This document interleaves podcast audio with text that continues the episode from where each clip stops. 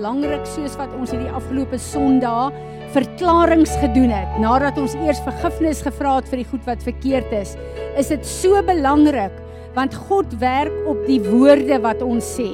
So wat ek en jy uitspreek onder leiding van die Heilige Gees, Jesaja 55 vers 11 sê, hy stuur sy engele om dit in vervulling te bring. Daarom is dit so belangrik dat ons verklaring sal doen.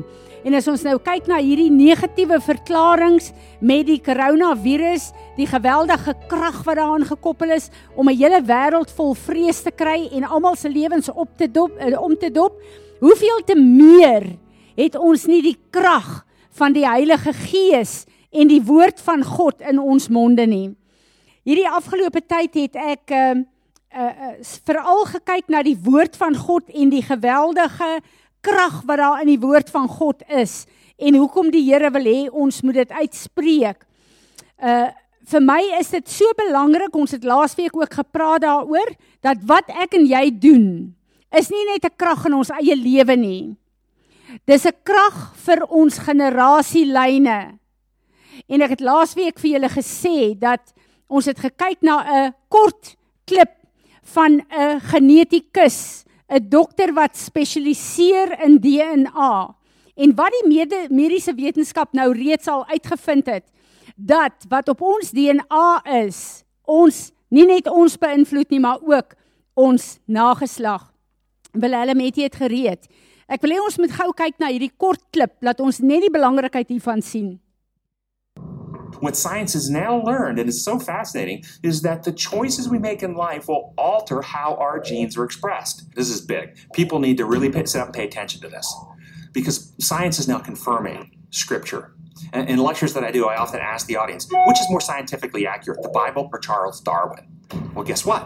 It's the Bible. Darwin hypothesized that it was mutation over millions of years that caused his finches to have different beaks. Science has actually now proved it's epigenetic modification.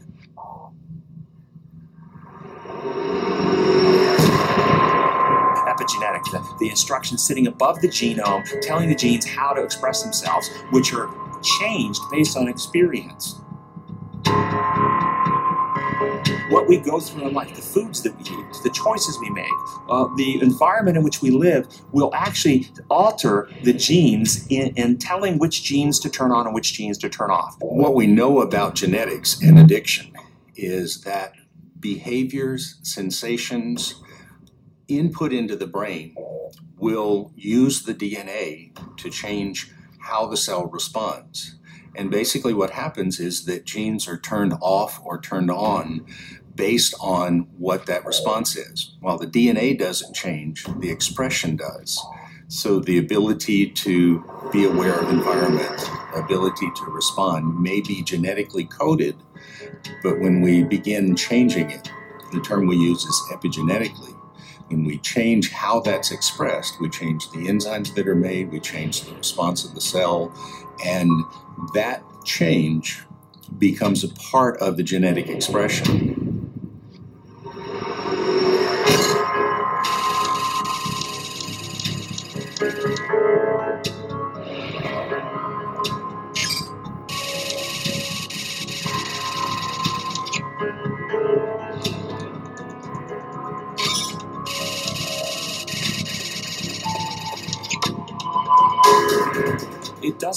Happen generally with one exposure to pornography.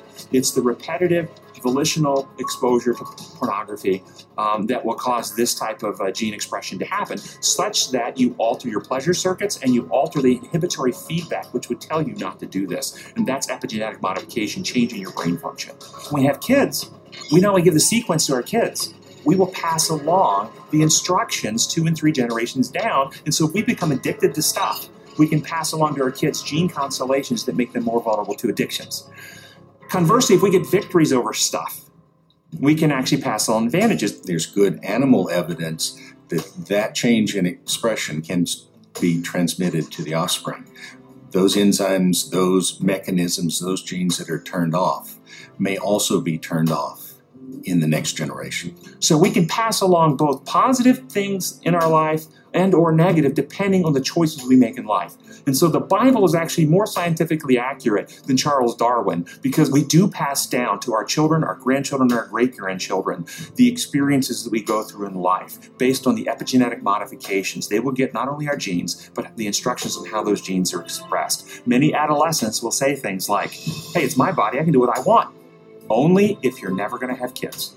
If you're going to have kids, it's not only your body, it's your kids, your grandkids, and your great grandkids' body too. So be careful what you do with it. Don't think of it as a as a battle you're just fighting for yourself. You're fighting for the very lineage that God gave you. And if you will break this curse, then your sons and your daughters have a better shot. And your grandchildren have a better shot. My son's name is Jubilee because his dad took the courage to break the curses off of him. I want to invite you to do the very same thing for those you love.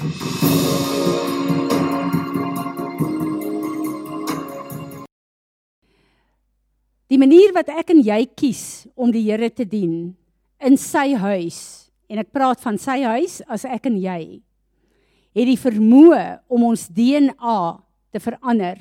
Dis medies bewys.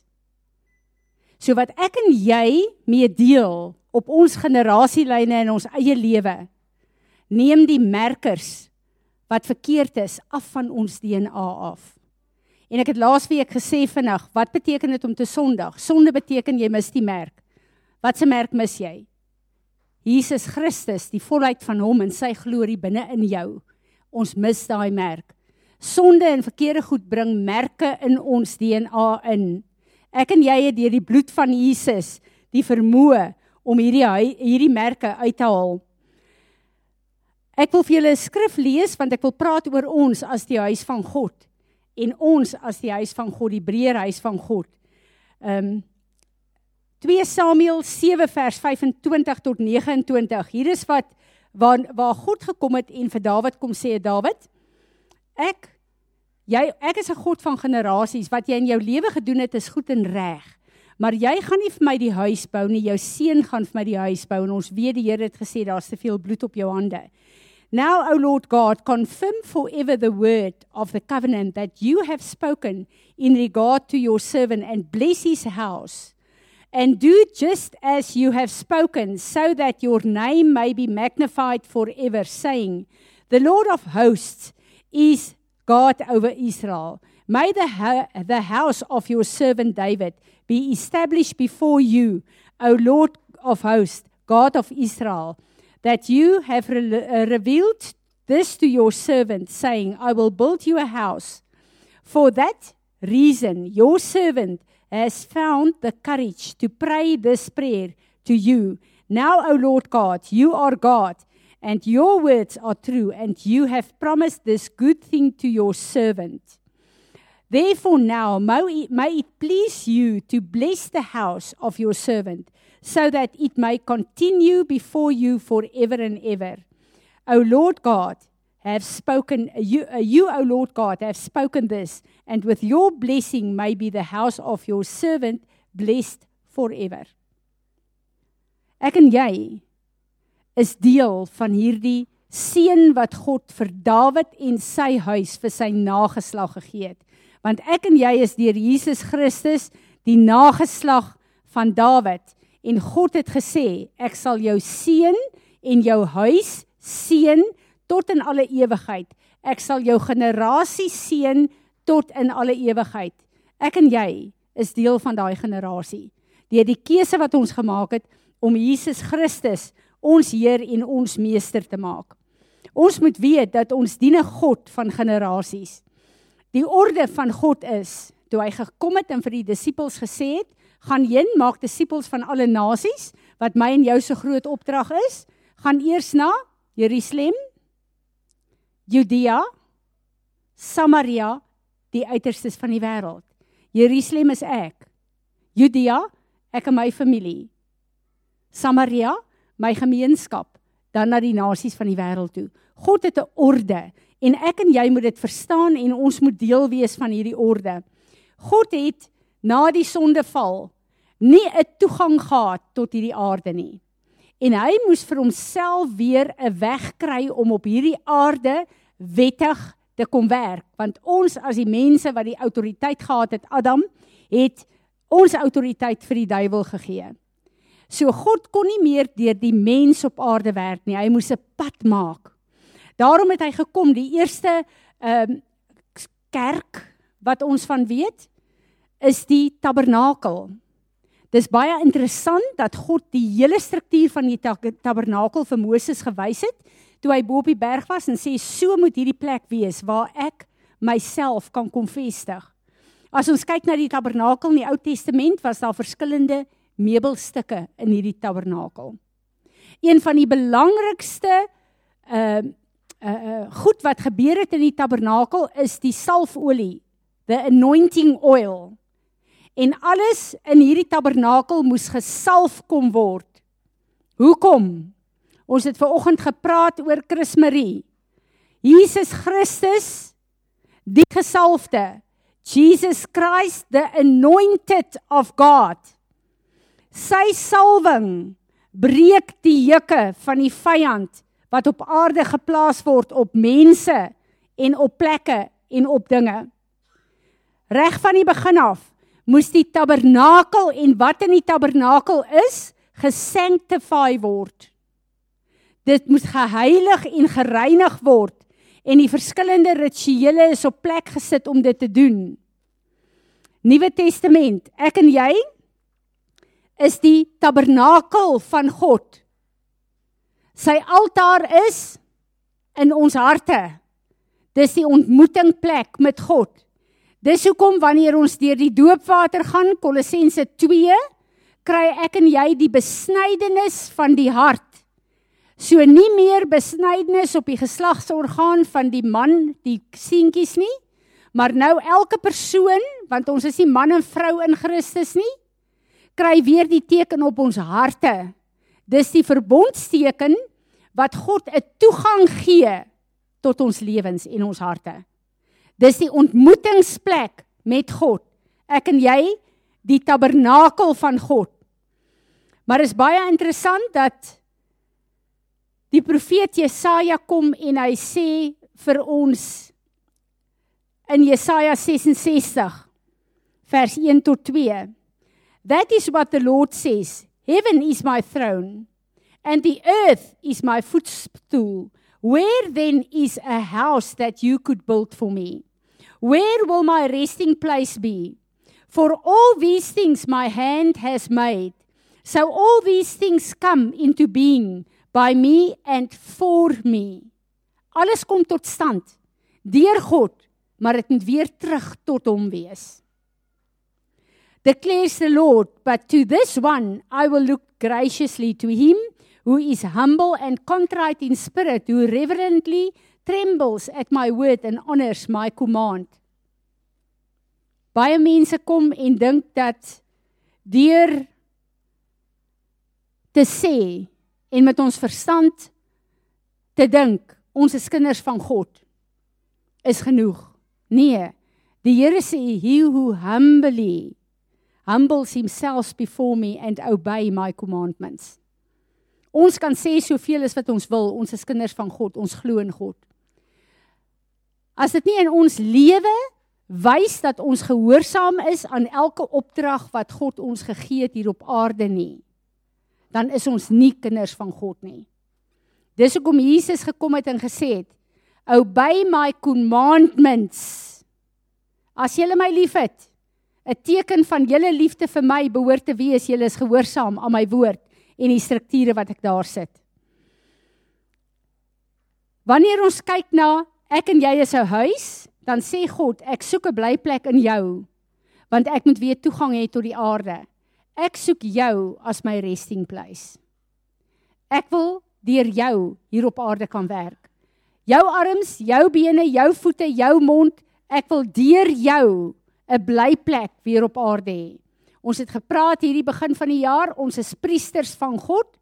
'n Priester het 'n altaar waarop hy sacrifice wat 'n kontakpunt is tussen hom en sy God. Ek en jy is die lewendige offer. Romeine 12, ons het baie daaroor gepraat die jaar. Maar wat doen ek en jy? Wat gaan in hierdie huis aan? Wat gaan in hierdie huis aan? Is dit regtig 'n huis en 'n resting place vir God? Ek luister na ons geestelike vader, Dr. Richard Hurt, na iets wat hy in in uh, 2018 gesê het. As jy 'n huis van God is, dan moet jy weet daar is sekere ehm um, kwalifikasies in hierdie huis wat ons in lyn bring met God se plan vir die aarde maar ook vir my en jou se lewe. En een van die dinge is die woord van God. Ons moet besef dat die woord van God is 'n krag. Dis nie 'n klisjé wat in ons kop aangaan nie dan het ons 'n gedagte van God saligheid, maar die krag van God ontbreek. Dis ons manual. Alles wat vervaardig word, het 'n handleiding om te sê, as jy dit op hierdie manier werk, sê die vervaardiger, dan gaan hierdie ding effektief wees. As jy dit nie op hierdie ding werk op die manual werk nie, moet jy weet, dit gaan nie suksesvol wees nie en hierdie ding sal uitmekaar uitbreek.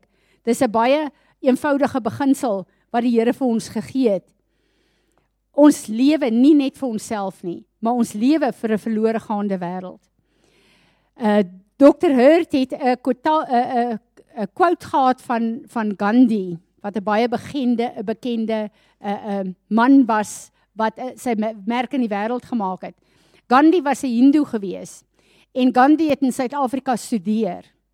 En Gandhi het gesê, ek kan nie verstaan nie as ek kyk na die Christene dan sien ek nie die krag van God se woord in julle lewe nie. Want wat julle opgesluit het in hierdie woord is 'n atoombom wat die hele wêreld behoort te verander. 'n Hindoe sê dit. Hy begryp dit.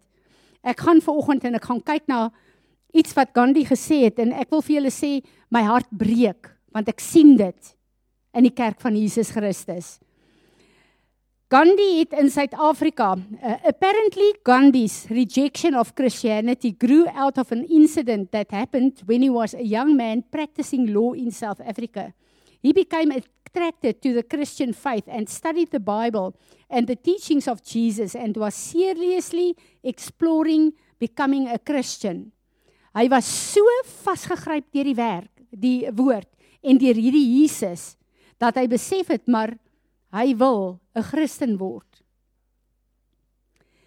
So he decided to attend a church service. As he comes up the steps of a large church where he intended to go, this in Stellenbosch, a white Christian elder of the church barred his way to the door. Where do you think you are going, Kafir?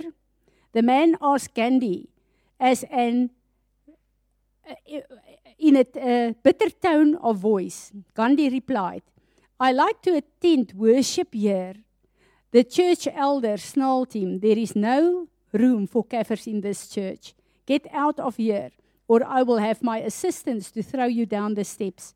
From that moment, Gandhi said, he decided to adopt what good is in Christianity, but he would never again consider becoming a Christian if it meant to be part of the church. How we treat those others tell people more about what we believe and what following Jesus means than all the fine sermons we deliver.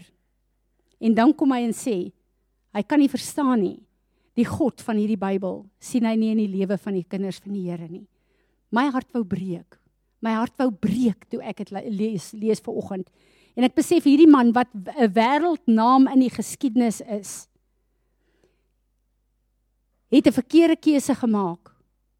Omdat die Christene nie die woord van God uitgeleef het nie. Ons op hierdie plek van die geskiedenis is 'n remnant wat God weer na vore roep en sê sal julle lyk soos wat my woord sê julle behoort te lyk? Of gaan julle vashou aan julle tradisies en oorgelewerde gebruike van die verlede? Wat is my en jou keuse? Ons getuienis kan of die getuienis nie krag van die woord van God wees of dit kan mense wegvat van God af. Ek het hierdie week 'n ervaring gehad wat vir my wonderlik was, maar ook skrikwekkend. Ek het 'n pad geloop met 'n familie waar daar 'n groot uh, onreg gebeur het en ek het saam met hulle gebid en die verskillende mense in hierdie familie is ek regtig waar lief voor en ek het vir die Here gesê Here my hart breek in hierdie situasie maar ek is in 'n baie moeilike plek en die Here het vir my gesê wees aan my kant nie aan een se kant nie skaar jou by die woord en die waarheid van my woord maak nie saak wat gebeur in die vergadering nie in die vergadering het ek dit gedoen ek het my geskaar by God en by sy woord En later het een van die gesinslede na my toe gekom en iets bevraagteken wat ons as kinders van God doen. En ek het vir hierdie persoon gesê wat nie 'n kind van die Here is nie. Ek wil vir jou sê die woord van God is waar vir altyd. En die woord van God sal nie verander word om my en jou lewens te akkommodeer nie. En ek weet dit was offensive vir hierdie persoon gewees. Hierdie week toe kom hierdie persoon en sy vrou terug na my toe. Hulle is nie kinders van die Here nie. En sê vir my die goed wat ek gebid het is alles besig om in vervulling te kom. En ek sê vir hulle as ek nie bid wat God bid nie en wil bid nie, sal niks in vervulling kom nie. Want ek kan niks uit my vlees uit doen wat lewe sal bring nie. En hulle sê vir my ons is nie Christene nie, maar ons het iemand nodig om 'n geestelike pad met ons te loop. Is jy bereid om dit te doen?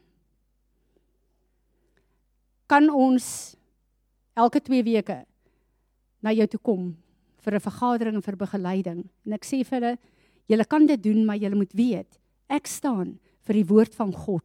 Niks meer, niks minder nie. En my opinie in die wysheid wat ek in counselling gee, is die woord van my God. En hulle kyk my en hulle sê, Hulle verstaan dit, maar kan hulle nogtans kom? En ek besef net as ek en jy kies om in die waarheid van God se woord te wandel, is daar 'n krag in wat mense wat die Here nie dien nie, kan nader trek aan die Here, want dit het niks met Fransie van Wyk te doen nie. My voete is voete van klei as ek op my eie staan. Ek het net soveel probleme soos julle. Maar ek weet dat die woord van God 'n krag is as ek en jy dit toelaat om mense se lewens te verander. Dan moet ons weet dat nog 'n ding wat Dr. Richard Hurt ge ge uh aangeraak het is ek en jy het 'n encounter met God nodig.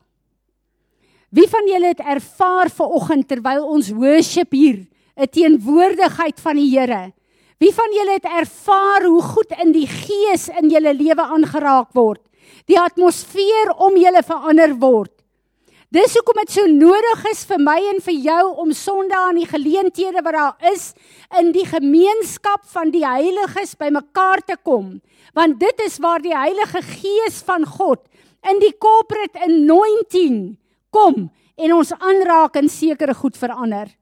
Hierdie is 'n plek wat geskep word, 'n platform waar ons saam kan kom en God se naam kan aanroep. En ons weet hoe werk goed in die gees. Een verslaane 1000, 2 10000. As ons kyk na die mense wat ver oggend hier is, watter mag is daar in die gees wat hier by ons is? Daarom is ons worship kan ons die teenwoordigheid van God ervaar. Dis nie die teenwoordigheid waar goed moet verander. Dis in hierdie teenwoordigheid waar ons God kan vasgryp vir sekere probleme.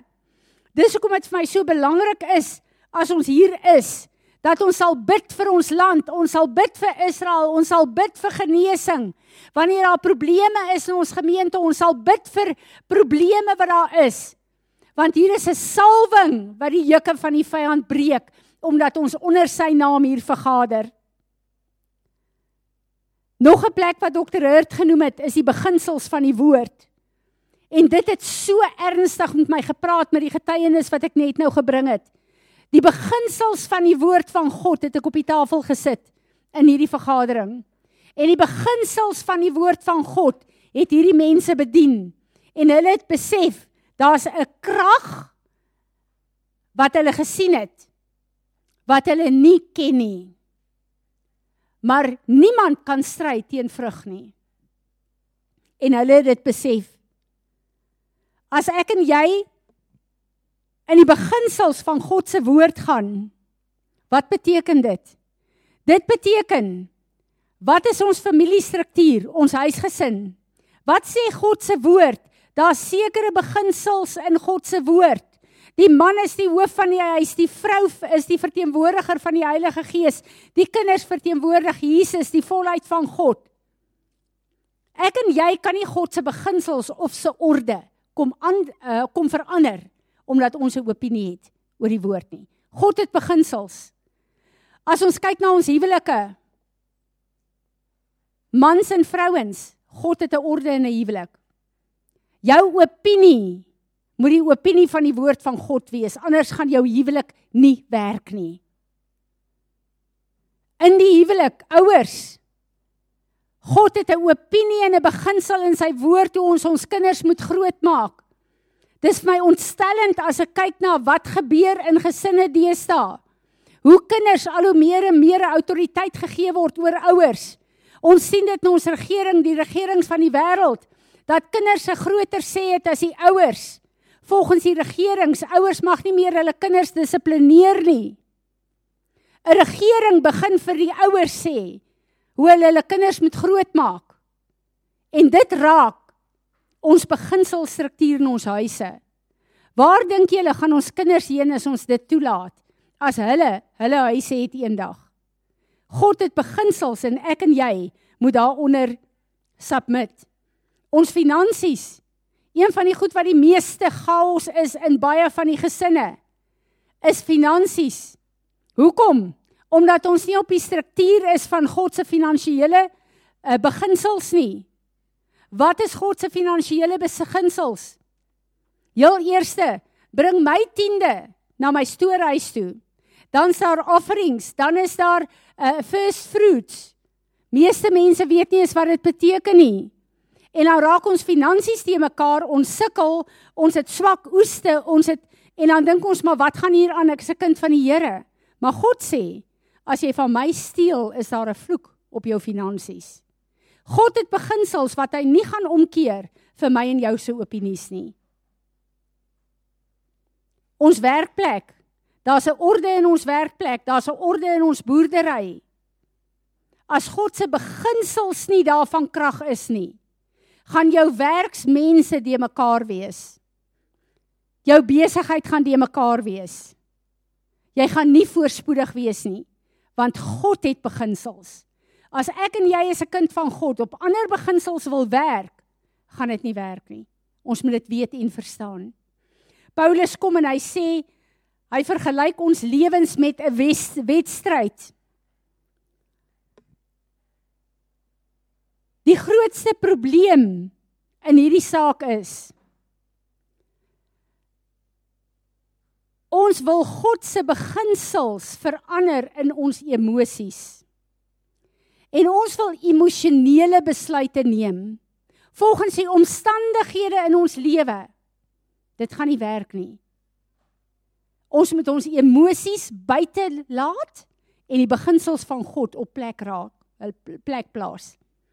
Paulus kom en hy sê ons is soos 'n wedstryd wat voltooi moet word, elkeen van ons. Dis so eenvoudig. As jy tennis probeer speel op 'n rugbyveld, is jy belaglik.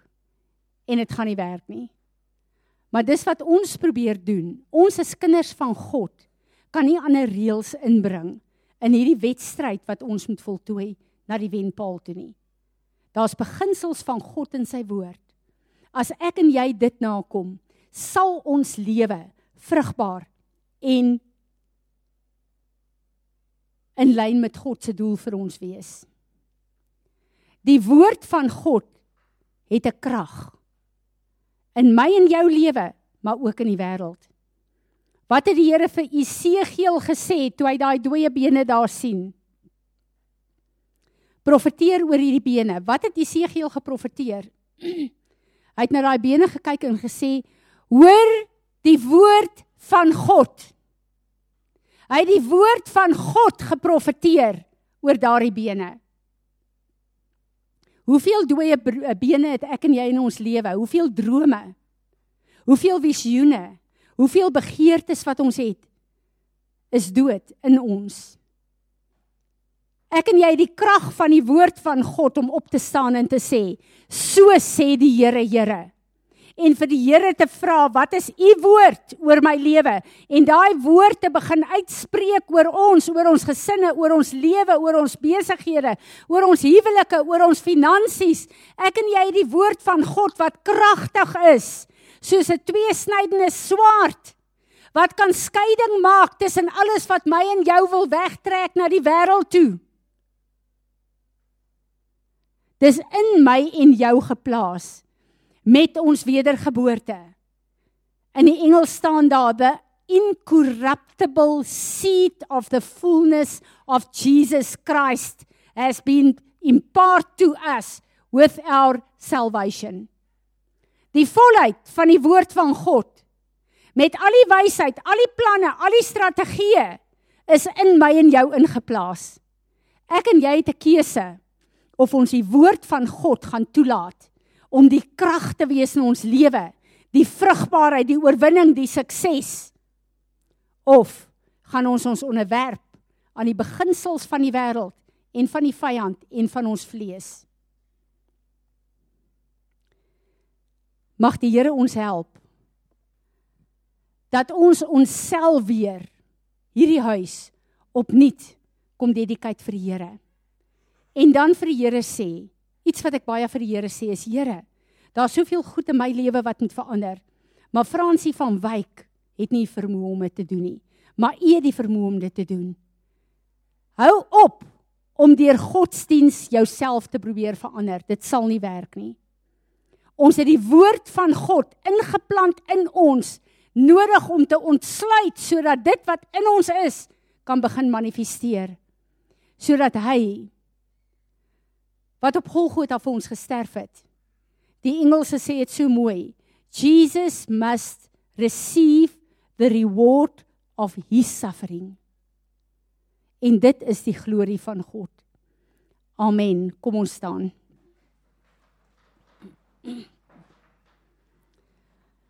Kom ons doen hierdie verklaring hardop weer vir die Here. Vader God, ek aanvaar u woord vandag. Ek is u kind. Maar ek is u huis.